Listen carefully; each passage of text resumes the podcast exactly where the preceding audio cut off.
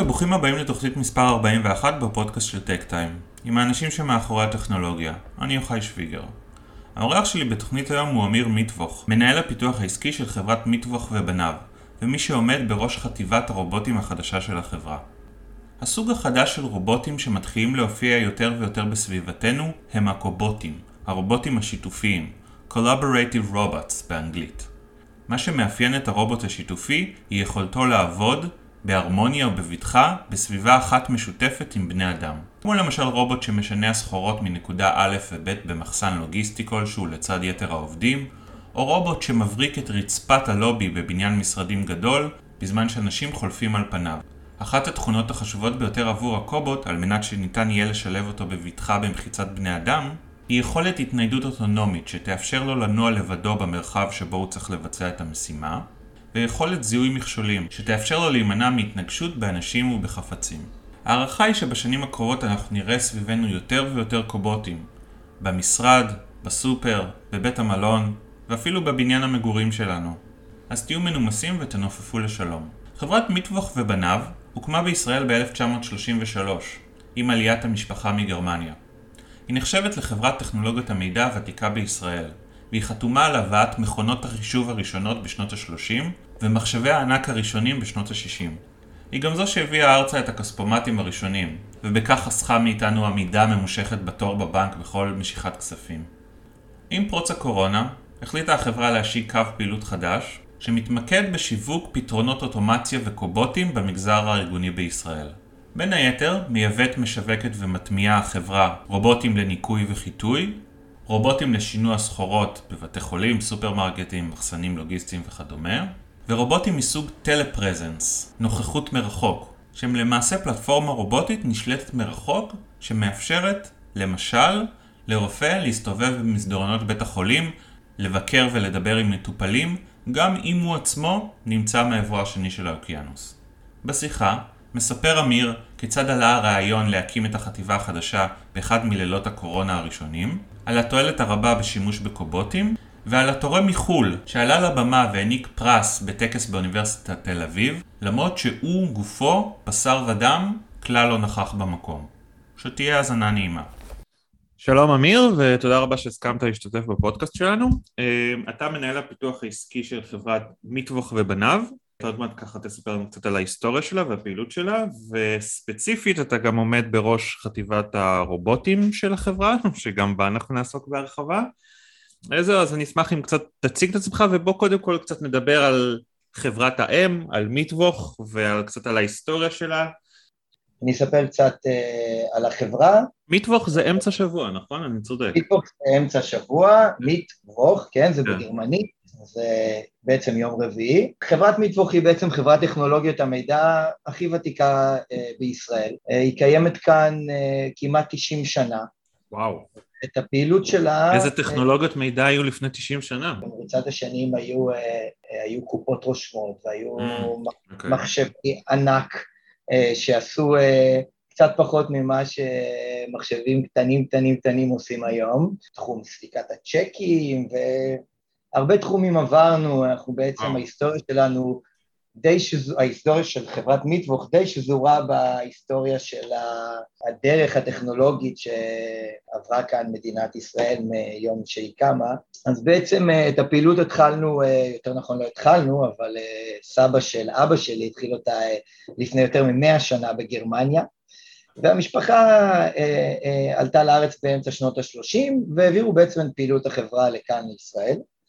החברה שלנו אה, עוסקת אה, במערכות פיננסיות וקמעונאיות לשירותי קהל, עוסקת במערכות דאטה ואנליטיקה, במערכות מוקדי שירות אה, לקוחות וטלפוניה, ובעוד שלל פתרונות מחשוב בתחומים שונים ומגוונים. והלקוחות שלנו הם נמנים באמת על כל תחומי המשק שקיימים בארץ, אם זה בנקים, חברות ביטוח, חברות כרטיסי אשראי, רשתות אה, שיווק קמעונאיות, אה, חברות טכנולוגיה, הייטק, כל מיני תעשיות שונות ומגוונות, ושוקדים כל הזמן על פיתוח של תחומים חדשים.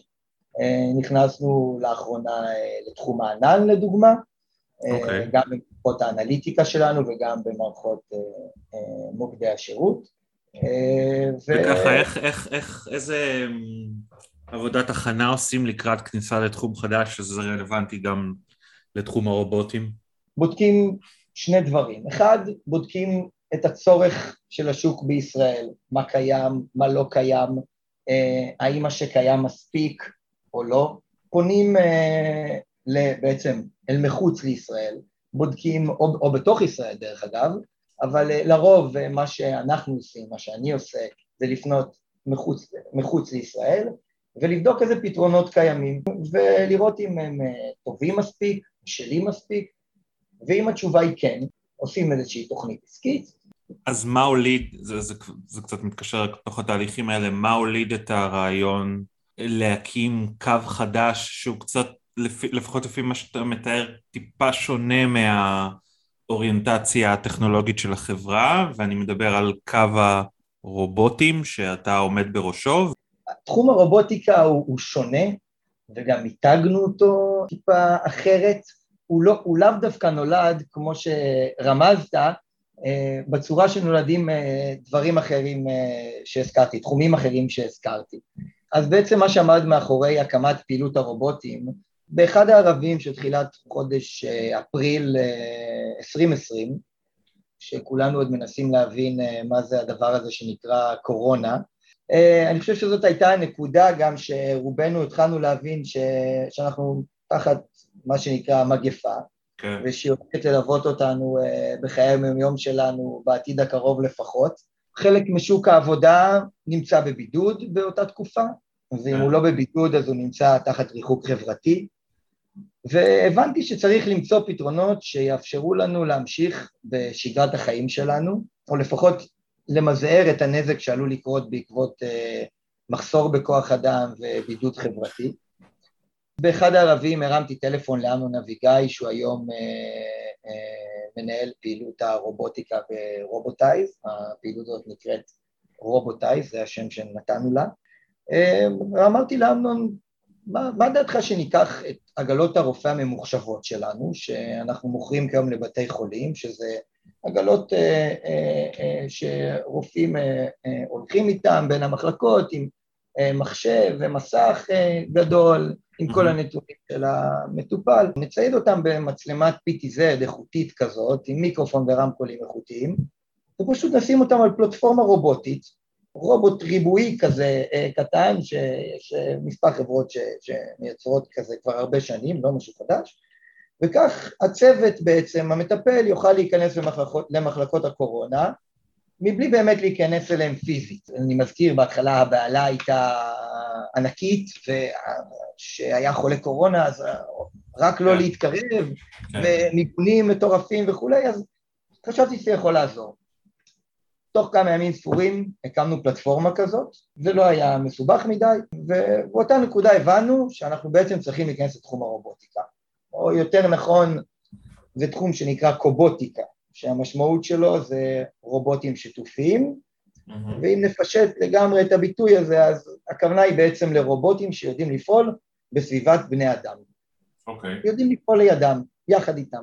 במסגרת התפקיד שלי כמנהל פיתוח עסקי בחברת מיטווך, התחלתי לחקור אילו פתרונות קובוטים קיימים בעולם, ו- ופשוט החלטתי שאני רוצה להקים פעילות חדשה בחברה שלנו. החלטנו שהחטיבה הזאת תתמקד ביישום של פתרונות קובוטים. תחום הניקיון והחיטוי, שזה היה די מתבקש, שילוב של הריחוק החברתי, מחסור בכוח אדם והצורך בניקיון וחיטוי באותם ימים וכיום. Mm-hmm. תחום של שינוע בתוך מבנים, מה שנקרא indoor delivery, על גבי פלטפורמות רובוטיות, ותחום הטלפרזנס. מה, מה זה אומר שינוע מה, בתוך מפעל? שינוע כבד? שינוע בחלקו קל ובחלקו כבד. ומה מידת האוטונומיות של ההתניידות שלהם? אתה צריך ממש להסיע אותם בשעת רחוק, אתה צריך להגדיר להם מסלול, איך, איך, מה, מה מידת האוטונומיות שלהם? אם, אם נדבר על, על תחום שהוא כמו ניקיון, חיטוי ושינוע, אה, אז אתה מגדיר להם מסלול מוגדר מראש, יותר נכון אתה ממפה את הסביבה ש... שאתה רוצה שהרובוט אה, אה, יפעל בה בעצמו באופן אוטונומי, והוא יפעל בסביבה שהגדרת לו, במפה שהגדרת לו, יש קובוטים שמסוגלים לזכור מאות מפות, ואם ניקח את תחום הטלפרזנס, אז זה רובוט שאתה באמת יותר שולט עליו ומנייד אותו מרחוק. אוקיי. Okay. תחום הניקיון והחיטוי, אה, בקטגוריה הזאת אנחנו מייצגים בישראל אה, מספר חברות אה, קובוטיקה גלובליות, שיש להן פתרונות של קובוטים אוטונומיים לניקיון, בעיקר לשטחים גדולים, אבל גם לשטחים קטנים, אני אגע בזה, כמו בנייני משרדים, סופרמרקטים, מפעלים, מרלוגים, מלונות, חניונים, בתי חולים, קניונים, כמעט כל מקום ש, ש, שדורש ניקיון. Uh, הקובוטים הללו הם מצוידים בתחנת עבודה, רובם בתחנת עבודה שמחוברת לנקודת חשמל ולנקודת מים. נקודת חשמל רגילה ונקודת מים תדמיין כמו uh, מכונת כביסה. מה שבעצם מאפשר להם לצאת למשימה שהוגדרה להם בזמנים שהם מתוזמנים מראש. Mm-hmm. הם יכולים לחזור להטעין את עצמם, לרוקן מים מלוכלכים, למלא את מיכל המים הנקיים שלהם, והכל תחת תחנת עבודה אחת, אה, ובתחום החיטוי אנחנו מביאים אה, קובוט, הוא נקרא UVD, רובוט שבעצם הוא יודע לבצע חיטוי באמצעות קרינת UVC, mm-hmm. גם הוא נע אוטונומית במסלול שהגדירו לו מראש, והוא מבצע חיטוי של חדרים שהגדירו לו מראש להיכנס אליהם, או שמכניסים אותו אליהם, זה תלוי אם יש, אם יש אה, דלת אוטומטית או לא. החדרים האלה בעצם צריכים להישמר סטרילים לחלוטין, אם תדמיין חדרים ב... אה, אה, חולים או איזשהו מפעל אה, לתרופות ש, שהעניין החיטוי שם זה, זה must כי בעצם אפשר לזרוק כמויות מטורפות של תרופות אם נגע בהם איזשהו נגיף או... כן. או מה זיהוי המכשולים של הרובוטים האלה? אתה אומר שהם מודעים למסלול מראש, אבל נאמר ויש בן אדם במסלול. הרובוטים שאתה מגדיר להם מפה מראש, מצוידים בסנסורים, חלקם במצלמות, הם בעצם יודעים להימנע ממכשולים, אפילו ממכשולים נעים, כמו אה, בני אדם שהולכים, הם פשוט יעצרו, שהם יזהו אה, בן אדם, הם יזהו בן אדם במרחק מספיק, אה, ייתנו לו לעבור, או יתחילו במסלול שעוקף אותו, וזה עובד מצוין. תחשוב על סביבה של בתי חולים, זו סביבה מאוד דינמית, הצורך שמה שהרובוט באמת יימנע מכשולים הוא צורך אה, חשוב מאוד, קריטי, והפתרונות שם טובים מאוד היום והולכים ומשתפרים. אם תחשוב לרגע על העגלות, כמו שהזכרתי, שמסתובבות בבתי חולים, עגלות שנושאות מזון, מצעים ואפילו תרופות. פשוט צריך לחשוב על פלטפורמה רובוטית שנכנסת מתחת לעגלות הללו, ויודעת בדיוק לאיזה מחלקה צריך לקחת את העגלות האלה. עכשיו, זה עגלות שיכולות לשקול מאות קילוגרם לפחות. תדמיין שזה יוצא ממחלקת המצעים או ממחלקת המזון, אם זה תרופות כמובן צריך להיות באיזושהי פלטפורמה מאובטחת ויש כאלה שהרובוט הוא סגור, בעצם זה מין ארון כזה סגור שאפשר לאבטח אותו אם זה בטביעת יד, בקוד, בתעודת זהות, אפשר אפילו לשים בו אלמנט של קירור. מה, מה היתרונות של שימוש בפלטפורמות האלה מבחינת אה, תפוקה מבחינת אולי חיסכון בכוח אדם, אה, באספקטים האלה, למה שארגון כלשהו, בין אם זה, כאילו, מהמחשות שלך ברור מה, מה התועלת של זה, אבל מאיזושהי הסתכלות של cost effectiveness, מה, מה היתרונות הכי בולטים של שימוש בפלטפורמות רובוטיות כאלה? ממה שאני רואה היום, עד היום, בשנה וקצת שאנחנו אה, אה, כבר משווקים רובוטים ומן הסתם אה, לפני כן אה, חקרתי את השוק הזה וממשיך לחקור אותו כל יום, יש שני סוגים, שלושה סוגים של אה, לקוחות שיישמו רובוטיקה. סוג אחד הוא זה שרואה ROI נטו, אני רוצה לראות ROI, ואז באמת תחום הניקיון ותחום השינוע בתוך מבנים, זה ממש, יש ROI מוכח וקצר קצר מאוד, כי עוד פעם, הרובוטים האלה זזים לבד במקום שמישהו ייקח אותם, או מנקים, זזים ומנקים לבד במקום שמישהו ינקה. ויש את הסוג השני שאומרים, אוקיי, אני רוצה ROI, אבל אני מוכן אה, אה, לבטל טיפה טיפה על ROI, אבל אני רוצה לראות שהוא קיים, אבל אני רוצה innovation, ולכן אני רוצה לראות רובוטים אצלי במפעל, בבניין, במרלוג, בבית החולים, אני רוצה לשדר innovation. איזה, איזה סוג של ארגונים חשוב להם להראות innovation? מה, איזה סוג סמל סטטוס בחברות הייטק או... גם בחברות הייטק, גם במפעלים רוצים להראות innovation. היום הפונקציה של ה innovation היא, היא, זאת אומרת, יש, יש אנשים שמנהלים את ה innovation בחברות אה, כאלה ואחרות. זה תפקיד שהולך וצובר כן. תאוצה. אני חושב שגם למלונות, לדוגמה, חשוב להראות אינוביישן בענייני משרדים, סופרים, רשתות קמעונאיות כמובן. אם okay. אוקיי. תיקח לדוגמה את, את תחום הטלפרזנס, שגם לשם, כמו שאמרתי, אנחנו מביאים uh, פתרונות, אז זה לדוגמה, זה קובוטים שמאפשרים לאנשים להיות, נוח, בעצם לבצע הנכחה, להיות נוכחים במקומות שנכוחים וירטואלית כמובן במקום מרוחק. אלו אותם רובוטים שנשלטים מרחוק, מכל מקום בעולם אתה יכול לשלוט עליהם, ואתה יכול פשוט לנוע אה, בכל, בכל מקום, בכל זמן שתבחר. אה, אז תיקח לדוגמה מפעל כזה, שרוצה לעשות בקרת, אה, בקרת תהליכי עבודה מרחוק. כן. יושב. המנהל ומזיז את הרובוט על פס הייצור. מה, יש לי, יש לי קו ייצור במפעל בסין או וייטנאם ואני יכול ככה קצת לפקח עליו? כן, אתה יכול להקשיב, לראות, ו- וגם להראות את עצמך, אם צריך להראות למישהו, ב- ממש לדבר פרונטלית. בגובה של אותו בן עובד אה, פס ייצור, לא מאיזה מצלמה רחוקה למעלה, עם מיקרופון מאוד איכותי, אפילו אחד הקובוטים לטלפרזנט שאנחנו מביאים, אחד מבין שניים, הוא, יש לו, העמוד שלו עולה ויורד, ככה שאתה יכול לכוונן את הגובה לפי גובה מתקן הייצור, גובה הפונקציה שאתה רוצה בעצם לדבר איתה. תחשוב על טלהלס, מטופל אה, ש, שיושב או שעומד ורוצים להיכנס אליו מרחוק, מה שהזכרתי, אני לוקח אותך לתחילת השיחה שלנו, שרצינו, שמנו אה, אה, עגלה ממוחשבת רפואית על פלטפורמה רובוטית, זה בעצם מסך מצלמה ומיקרופון ורמקולים כמובן מובנים על פלטפורמה רובוטית, מאוד מאוד פיין, באמת, state of the art, שמשדרת המון innovation וגם יש בה, עוד פעם, המון פרקטיקה.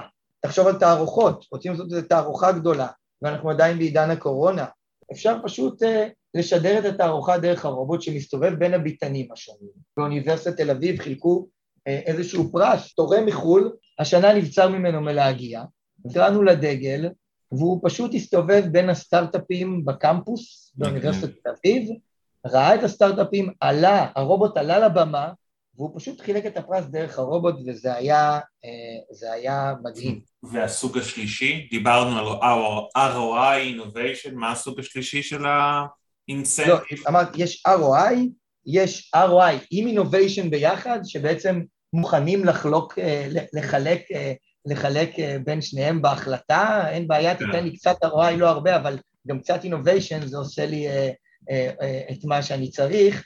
והתחום השלישי הוא רק innovation בעצם. מי שרוצה נטו innovation, אה, איזשהו סטארט-אפ שרוצה אה, להראות אה, שהרובוט מסתובב, שהוא מנקה את השטיחים שלו באמצעות קובוטים. רובוט שמסתובב במשרד ואומר שלום לאנשים בבוקר או מברך אותם, וזה כבר innovation נטו, כן?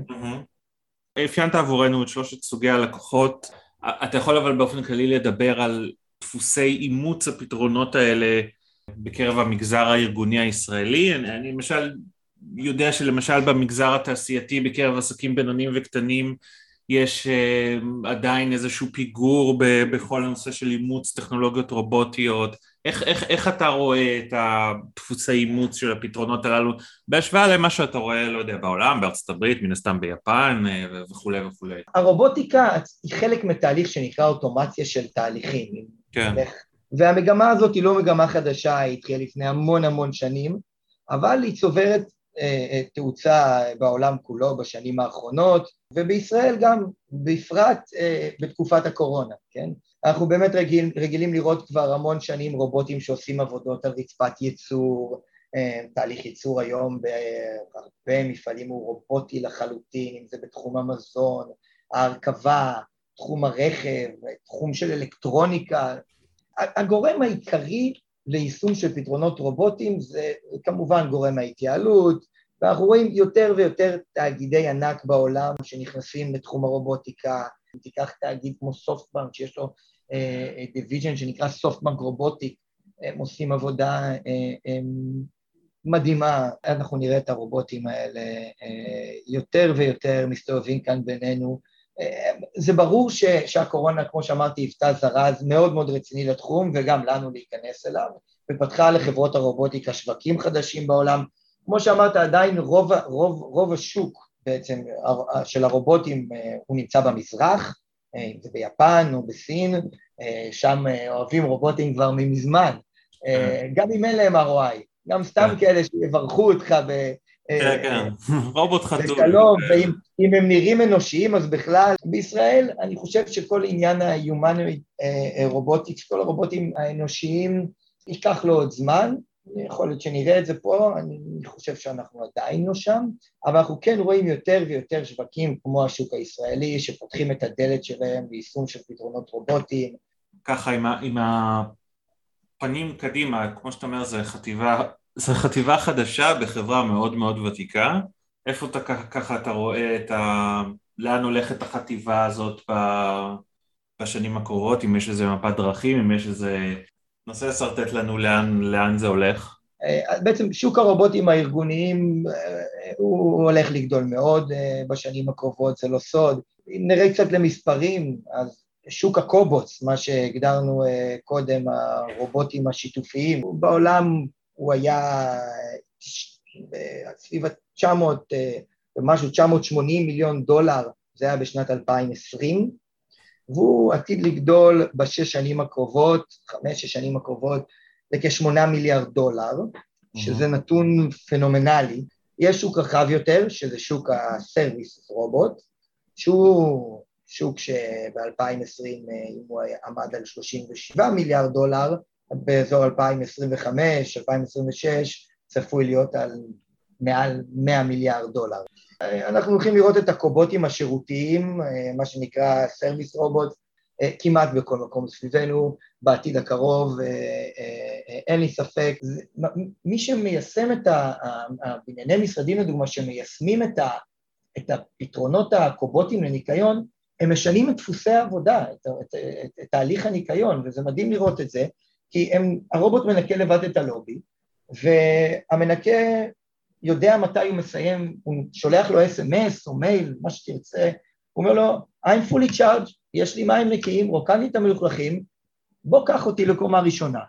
הוא מגיע לקומה ראשונה, לוחץ על הכפתור, הרובוט מנקה את הרצפה שלא בקומה ראשונה, כל פעם רק מגיע לקומה, לוחץ פליי על המסך, והרובוט מנקה בזמן שאותו עובד ניקיון, שבעצם התפנה לעשות את הדברים שהוא היה עושה גם ככה, אבל כל התהליך לוקח פחות זמן, ופה אנחנו רואים ROI מובן לכולם, קל מאוד, קל מאוד להוכיח אותו. אנחנו עובדים היום אה, על אינטגרציה של הקובוטים שלנו למעליות ולדלתות אוטומטיות, כך שהקובוטים לא יחכו לאותו אה, עובד ניקיון שייקח אותם לקומה הראשונה והשנייה וכן הלאה וכן הלאה, הם יגיעו למעלית, יש להם אינטגרציה אליה, הם יעלו במעלית, אם זה במעלית רגילה בין בני אדם, במעלית מסע שהם יהיו שם יותר לבד, והם בעצם יעלו את הקומות לבד, ינקו את, ינקו את הקומות, וכן הלאה וכן הלאה. ניקיון הרצפות תהיה לגמרי אוטונומית. כן. Okay. אוקיי. מה, מה, מה תפקידו של ה... אתם הרי סוג של אינטגרטור, מה, מה תפקידו של האינטגרטור ב... באדפשן של, ה, של הפתרון הזה? כמו שאתה אומר, מדובר בפתרון חדש, עם תהליכים חדשים, עם... אפילו ברמה הפסיכולוגית. מה, מה, מה, מה תפקיד האינטגרטור? שאלה, שאלה מצוינת. אנחנו בעצם באמת אינטגרטור, כפי שהזכרת, לפתרונות רובוטיים. אנחנו לא משווקים רק פתרון אחד, או רק רובוט אחד, אנחנו משווקים שלל, מגוון רובוטים, ש... קובוטים שהחלטנו שאנחנו רוצים להביא לישראל, למגוון תחומים ולמגוון צרכים. אנחנו משווקים פתרונות קובוטים. התפקיד שלנו, קודם כל, הרבה למידה, צריך ללמוד את הפלטפורמת הפעלה של הרובוטים האלה, ש, שמי שמשתמש בקובוט, הצרכן, הלקוח הסופי, ידע להשתמש בכל הפונקציות שקיימות, וזה התפקיד שלנו. התפקיד שלנו גם, אנחנו רוכשים, רוב הקובוטים אנחנו רוכשים אותם ומוכרים אותם בעצם במודל של רס. רס זה רובוט as a service, כמו שאנחנו מכירים את hardware as a service, software as a service, אז זה המונח לרובוטיקה, בעצם באיזה, במחיר אה, אה, חודשי, אה, איזה ליסינג חודשי, ככה לקוח גם לא צריך אה, לקנות את הקובות, והוא רואה ROI מיידי. נגיד, ספר לנו קצת על פידבק מלקוחות שכבר אימצו, לא, לא במובן של ה-ROI, כזה התפעלות או התלהבות. התחלנו את הדרך שלנו, אם לסכם, לפני קצת, לפני קצת יותר משנה. כמובן שהיא התחילה בהרבה למידה ובדיקות וניסוי וטעייה, המון ניסוי וטעייה עם רובוטים, המון. והיום אנחנו נמצאים אצל לקוחות ממגזרים שונים, מגוונים, שמיישמים את הפתרונות uh, הקובוטים שלנו, וזה מדהים לראות איך כל אחד מהלקוחות האלה, הוא מוצא את הדרך הנכונה ביותר עבורו לשלב את הקובוטים בעבודה השוטפת שלו. אחד אומר, תקשיבו, אתם לא מאמינים, הלובי שלי היה מלוכלך, בונים לידי בניין, והמנקה פשוט לא זה היה פשוט לשים מנקה כל יום בלובי, עובד ניקיון שינקה כל היום את הלובי, זה מה שהוא יעשה. ברור שיש פה עלויות גבוהות מאוד, mm-hmm. והרובוט הזה, שמן הסתם עולה אה, ללקוח הסופי פחות ממשרת אה, עובד ניקיון, והרובוט תמיד מגיע בזמן, ועושה את עבודתו בזמן ולא מוותר על, על אף נקודה, אלא אם כן הפריעו לו, והוא יכול לחזור אחר כך לנקות אותה, כי הוא יודע שהוא לא ניקה שם, אפשר גם להחזיר אותו אחר כך. אותו לקוח אמר, תקשיב, פתרת לי את הבעיה. דיברתי רק על תחום הניקיון, אבל שם אה, אה, בהחלט אנחנו אה, מקבלים תגובות מדהימות, מדהימות. וכיף לראות את זה, כי, כי אה, זה בעצם תחום שהגיח איזה ערב אחד, שאנחנו בתחילתה של המגפה הזאת, קרם עור וגידים והצלחנו ממש להקים את זה וליישם, והיום יש uh, uh, הצלחות ולקוחות מרוצים, וזה מאוד מאוד מספק. רציתי להודות לך על השיחה המאוד מעניינת הזאת, וגם לאחל לכם בהצלחה. תודה רבה על השיחה, יוחאי. תודה רבה על ההאזנה, אני מקווה שנהניתם. אתם מוזמנים להמשיך ולעקוב אחר הכתבות באתר שלנו, techtime.co.il, להירשם לניוזלטר ולהקשיב לפרק הבא בפודקאסט.